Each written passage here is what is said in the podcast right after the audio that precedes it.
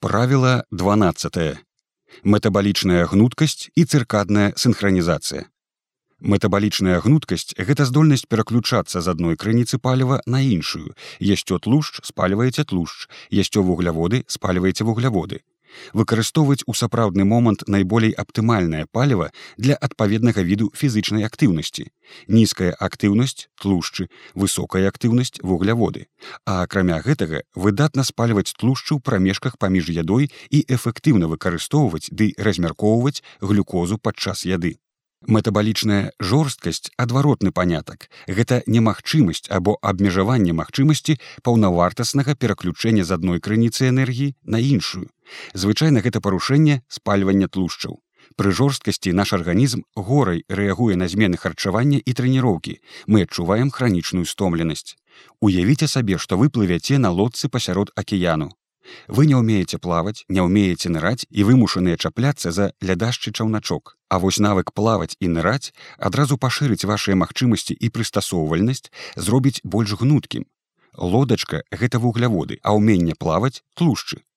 Калі мы кепска спальваем тлушчы, то становімся меней адаптыўнымі, а метабалічная гнуткасць гэта магчымасць добра пачувацца і ў лодцы і ў вадзе і з вугляводамі і з тлушчамі. Цыркадная синхронізацыя гэта сумяшчэнне свайго рэжыму харчавання з рэжымам дня. Соднявыя цыркадныя рытмы кіруюцца шэрагам унутраных гадзіннікаў арганізму, светлавыя, тэмпературныя, харчовыя і да таго падобныя. Калі ўсе гэтыя гадзіннікі паказваюць розны час, то гэта збівае наш арганізм і з'яўляюцца праблемы. Вельмі важна сябе синхронізаваць. Для гэтага правільна заводце ўсе нашы ўнутраныя гадзіннікі кожны дзень. Метабалічная жорсткасць гэта немагчымасць ці абмежаванне магчымасці паўнавартаснага пераключэння з адной крыніцы энергіі на іншую. Звычайна гэта парушэнне спальвання тлушчаў. Пры жорсткасці наш арганізм горш рэагуе на змены харчавання і трэніроўкі. Мы адчуваем хранічную стомленасць. Як з'явілася праблема? Паляўнічыя збіральнікі. Традыцыйная садавіна, клубні мёд былі даступныя абмежаваны час цягам году. Паляванне таксама было паспяховым не заўсёды, а эпізадычна. Таму ў нашых продкаў чаргаваліся перыяды, вугляводы, невугляводы, тлушч і бялок. Цяпер мы яму шмат тлушчу бялку і вугляводаў, у тым ліку цукар адначасова ў адным прыёме ежы. Такія спалучэнні, як тлушч з цукрам, асабліва небяспечныя для нашага апетыту і метабалізму. Частыя прыёмы ежы і пераядання пагаршаюць праблему. Гіпадынамія. Навукоўцы называюць сядзенне паводле ўплыву на здароўе новым курэннем. Чым даўжэй мы сядзім, тым больш растуць рызыкі захворванняў і ранняй смерці, тым ніжэй становіцца адчувальнасць да інсуліну. Нізкаінтэнсіўная актыўнасць гэта ўсё, што вы робіце, калі не сядзіце і не ляжыце. Яе нам у жыцці вельмі не хапае.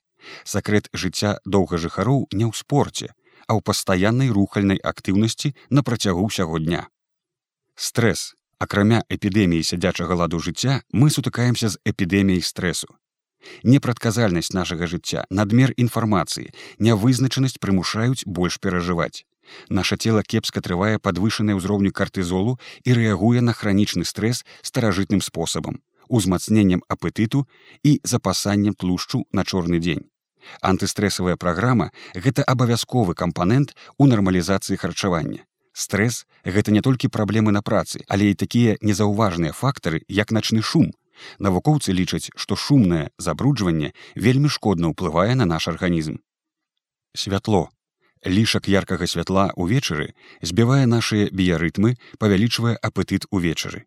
Пры парушаным цыркадным рытме тлушчаспальвання прыгнятаецца і клеткі часцей выкарыстоўваюць глюкозу. У эксперыментах, чым ярчэй у спальні, тым больш лішніх кілаграмаў. Навукоўцы кажуць пра светлавое забруджванне, якое можа ўзмацняць шэраг захворванняў, уключаючы пухлінныя. Антыстрэсавая праграма гэта абавязковы кампанент у нармалізацыі харчавання. Стрэс гэта не толькі праблемы на працы, але і такія фактары, як начны шум. Шумавое забруджванне вельмі згубна ўплывае на наш арганізм. Тэмпература Раней ваганні навакольнага асяроддзя днём і ноччу у розныя паравіны году уплывалі на нас вельмі заўважна.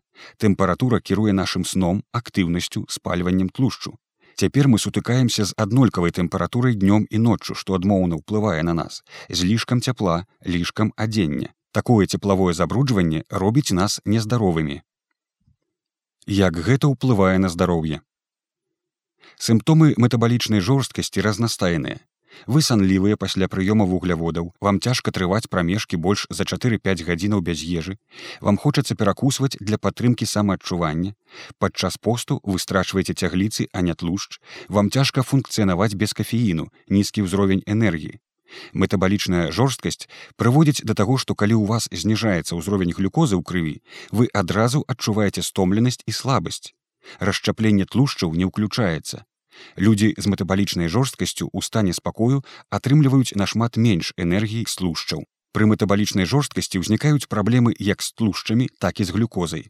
Два бакі аднаго медаля метабалізму. Праблемы з глюкозай звязаныя з тым, што клеткі не могуць эфектыўна паглынаць і спальваць глюкозу, інсулінарэзістэнтнасць. Праблема з тлушчам выяўляецца як парушэнне акіслення тлушчаў, мітахондрыі цягліцаў і павышэнне ўзроўню свабоднай тлустай кіслаты ліпатаксычнасць мітахондрыі пры метабалічнай жорсткасці вельмі терпяць мітахондрыі гэта своеасаблівыя электрастанцыі клетак якія выпрацоўваюць энергію з паліва. Калі зашмат і тлушчаў і вугляводаў то мітахондрыі перагружаюцца. Шляхі іх акіслення могуць негатыўна ўплываць адзін на аднаго Людзі з нізкай метабалічнай гнуткасцю маюць менш мітахондрыяў у цягліцах і спальваюць мала тлушчу. Пры гэтым нават тыя нешматлікія мітахондры працуюць кепска, схільныя да большага акісляльнага стрэсу і падчас працы даюць вялікую ўцечку актыўных формаў кіслароду, а аксідантны стрэс пашкоджвае клеткавыя структуры. Добрыя мітахондры даўжэйшае жыццё калі мітахондры эфектыўна спальваюць тлушч то пры гэтым утвараецца менш актыўных формаў кіслароду і менш пашкоджваюцца клеткі. Гэта можа спрыяць запавольванню старэння і нават павялічваць працягласць жыцця. Насуперак мітам нашаму мозгу не патрабуецца сталае падсілкоўванне глюкозай. Наадварот яна можа прывесці да вагання ўзроўню цукру што негатыўна паўплывае на нашай разумовыя здольнасці прывядзе да раздражняльнасці і агрэсіўнасці. Інсулін Пры перагрузцы калорыямі ўзнікае рэзістэнтнасць да інсуліну. Пры падвышаным узроўні інсуліну блякуецца расшчапленне глікагену і тлушчу. А вось назапашванне тлушчу толькі павялічваецца, роўна як і затрымка вадкасці. Рэзістэнтнасць да інсуліну гэта прычына развіцця многіх захворванняў. Фігура і харчаванне. Чым вышэйшая гнуткасць, тым лягчэй мы можам засвойваць як тлушчы, так і вугляводы. Пастаяннае спажыванне вугляводаў зніжае адчувальнасць да інсуліну, яго ўзровень павышаецца і гэта запавольвае тлушчаспальванне. А высокая метабалічная гнуткасць дазваляе лягчэй вытрымліваць пост без пачуцця голаду, што палягчае пахуданне. Калі вы лёгка спальваеце і тлушчы і вугляводы, то вы зможаце падтрымліваць добрую постаць доўгі час, не знаходзячыся на цвёрдай дыеце. Паляпшаецца сон. Сон і спалення тлушчу шчыльна звязаныя між сабой. Увечары працэс тлушчаспалення ўзмацняецца, што дазваляе ўначы нам не прачынацца, каб паесці. Узровень глюкозы падае, гэта прыводзіць да павелічэння выкіду гармону росту і гармонаў шчытавіцы, што таксама спрыяе тлушчаспаленню. І ўсе гэтыя працэсы спрыяюць глыбокаму аднаўленчаму сну. Калі спаленне тлушчу парушанае, то сон становіцца менш глыбокім, гэта выклікае частыя абуджэнні і фрагментацыю сну. Стабільны настрой Насуперак мітам нашаму мозгу не патрабуецца сталае падсілкоўванне глюкозай. Наадварот, яна можа прывесці да вагання ўзроўню цукру, што негатыўна ўплывае на нашыя разумовыя здольнасці, вядзе да раздражняльнасці і агрэсіўнасці. Нават калі прыкметна абмежаваць колькасць вугляводаў, усё роўна мозгу хопіць глюкозы, ён атрымае яе з глікагену печані. Лішак вугляводаў і нізкая адчувальнасць да інсуліну павялічваюць рызыку хваробы альцгеймера, якую навукоўцы называюць дыябетам мозгу. Асноўныя прынцыпы. Як мы з вами ведаем, на шпагат імгненна сесці немагчыма, патрэбная паступовая расцяжка для павелічэння гнуткасці. Метабалічная гнуткасць таксама развіваецца ад чаргавання пэўных актыўнасцяў з паступовым павелічэннем амплітуды. Ёсць чатыры асноўныя вектары метабалічнай гнуткасці і два дапаможныя вектары святло тэмпература звязаныя з цыркаднай синхронізацыяй усе вектары метабалічнай гнуткасці звязаныя паміж сабой і ўзмацняюць адзін аднаго. Напрыклад ніжэйшыя тэмпературы ўзмацняюць тлушчаспаленне і паляпшаюць сон а вось фізычная актыўнасць змяншае стрэс і трывогу. Рэжым харчавання. Чаргаванне ем мала не ем ем мала Гэты вектор падрабязна апісаны ў папярэдніх раздзелах ад інтэрвалаў і скарачэння харчовага вакна да розных формаў посту. Вар'іраванне макранутрыентаў, чаргаванне вугляводы, бялкі тлушчы. Як я ўжо казаў, для нашых продкаў было характэрна паасобнае паступленне нутрыентаў. Збіральніцтва давала раслінныя вугляводныя прадукты, а паляванне прыносіла бялкі і тлушчы. Умеранае вар'іраванне макранутрыентаў на працягу тыдня дапаможа вам аптымальней падтрымліваць метабалічную гнуткасць. Гэта значыць, што лепей з'есці больш мяса з зялёнай салатай без гарніру кшталту рысу. А калі вы ясцё порцыі грэчкі, дык лепей дадаць гародніну, зеляніну і закрасы, а не котлету гіпадынамія ўзмацняе метабалічную жорсткасць таму больш працы пераносьце на ногі. Працуйце стоячы гаварыце па тэлефоне стоячы хадзіце ў перапынках. Шматгадзіннае сядзенне не кампенсуецца гадзіны трэніроўкі. Віды фізычнай актыўнасці. Чаргаванне высокаінтэнсіўная нізкаінтэнсіўная актыўнасць. Фізычная актыўнасць вельмі важная для падтрымкі метабалічнай гнуткасці. Кажучы проста чым больш цягліцаў тым вышэйшая метабалічная гнуткасць Наша цяглічная тканка запасіць глікаген, спальвае тлушчы і вугляводы. Розныя тыпы валокнаў цяглічнай тканкі маюць дачыненне да розных субстратаў. А добрая адчувальнасць цяглічнай тканкі да інсуліну важная для падтрымкі гнуткасці. Важна памятаць, што на трэніроўкі мы трацім малую частку энергіі, а вось паўсядзённая нізкаінтэнсіўная дзейнасць адбірае ў тры-чатыры разы больш калорыяў.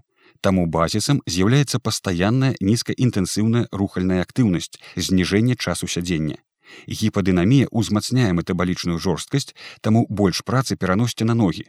Працуйце стоячы, размаўляйце па тэлефоне стоячы, хадзіце ў перапынках. Шматгадзіннае сядзенне не кампенсуецца гадзіны трэніроўкі нізкаінтэнсіўная фізычная актыўнасць гэта аснова рухальнай піраміды.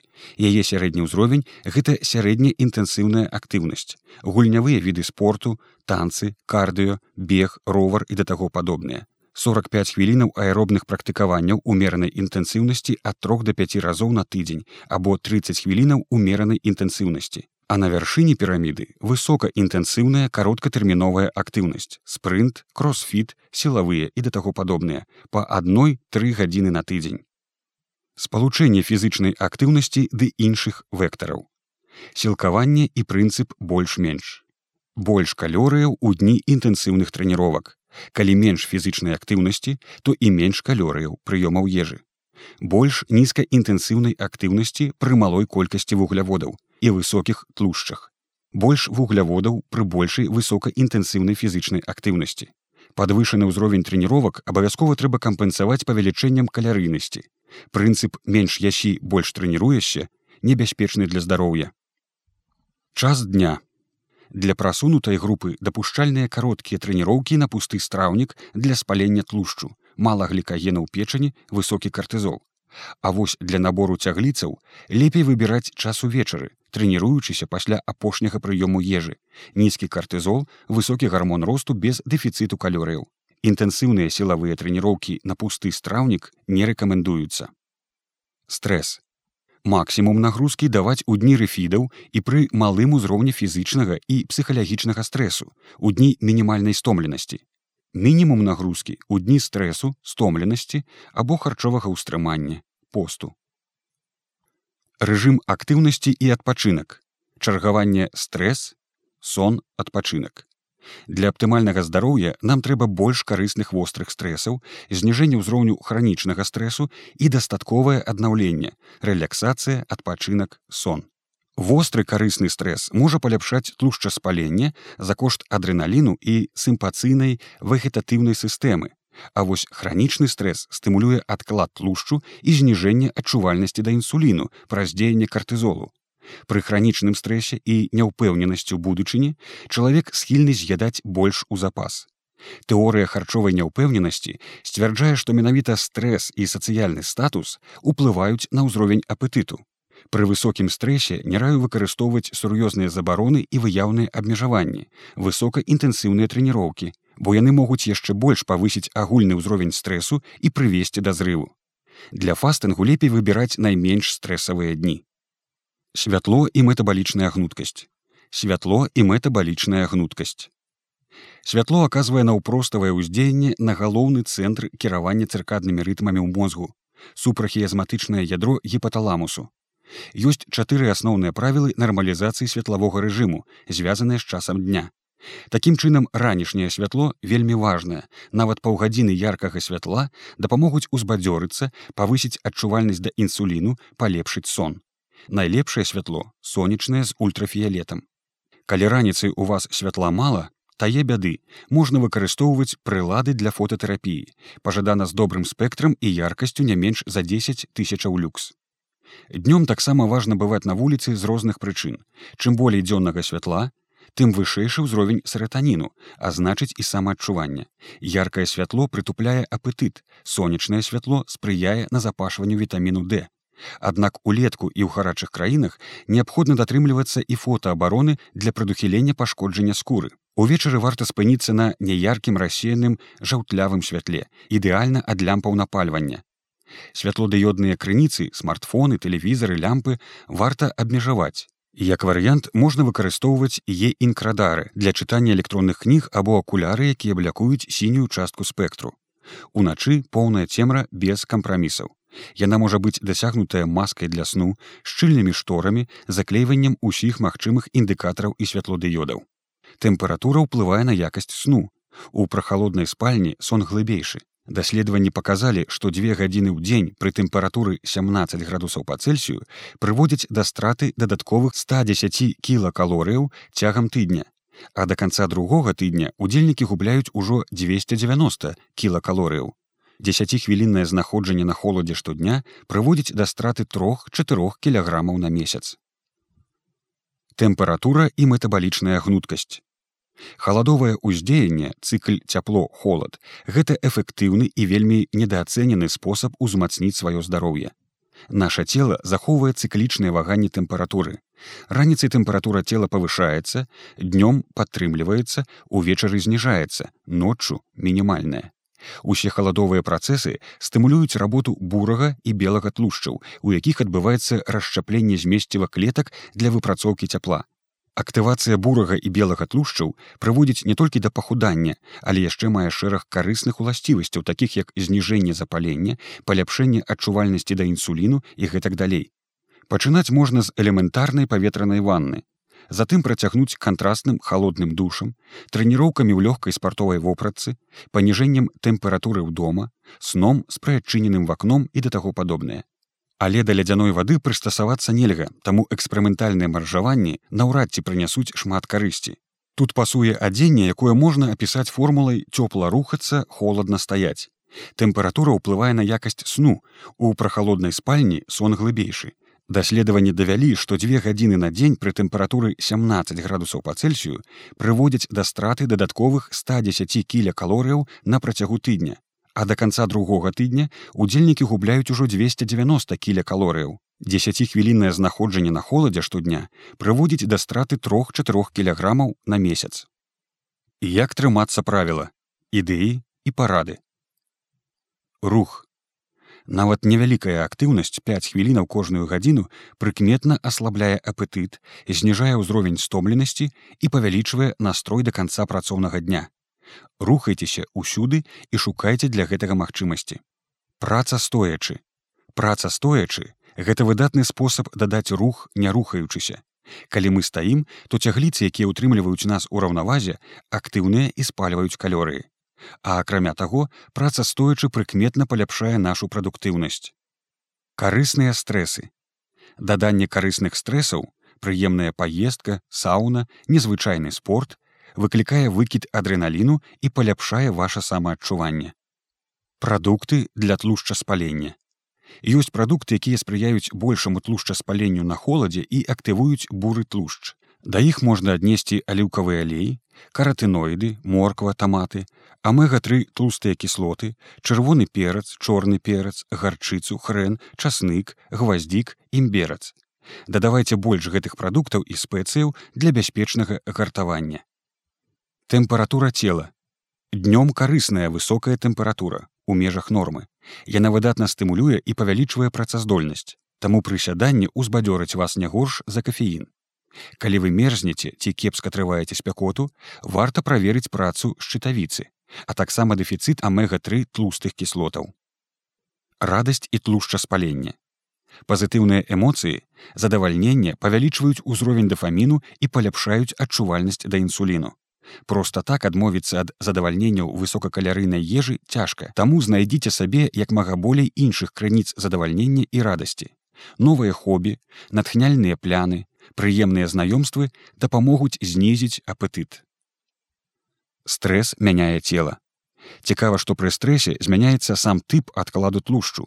Ён больш інтэнсіўна адкладаецца ўнутры жывата, вісцэральны тлушч, на баках, выратавальны пояс, на грудзях, на твары і ў тлушчавых пастках. Без кантролю стрэсу складана дасягнуць доўгатэрміновых мэтаў у харчаванні. Гульнявыя віды спорту. Пры хранічным стрэсе эфектыўнае даданне гульнявых відаў спорту, тэніс, футбол, баскетбол, сквош і іншыя, танцаў і танцавальнага фітнесу. Яны даюць выдатную папуску ад стомленасці і зараджаюць энергіі, а таксама міжволі залучаюць у актыўнасць. Пры стрэсе змяняецца сам тып адкладу тлушчу. Ён больш інтэнсіўна адкладаецца ўнутры жывата, вісцэральны тлушч, на баках, выратавальны пояс, на грудзях, на твары і ў тлушчавых пастках. Без кантролю стрэсу складана дасягнуць доўгатэрміновых мэтаў у харчаванні. Паравіны году і метабалічная гнуткасць. Цалкам натуральна ўлетку, калі болей сонца ўжываць больш вугляводаў і абмяжоўваць іх узімку. Што тычыцца трэніровак, зімой можна есці і трэніравацца менш. З позняй вясны і да сярэдзіны восені трэніравацца і есці больш. А вось каб загладзіць пераходы, увесну больш актыўнасці і крыху менш ежы, а ўвосень наадварот.